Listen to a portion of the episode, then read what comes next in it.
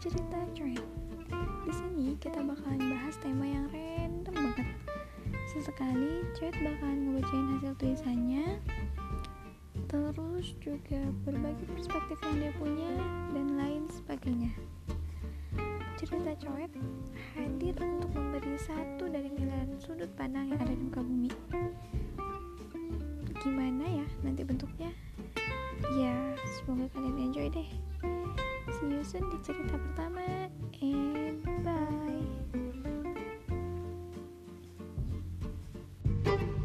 thank you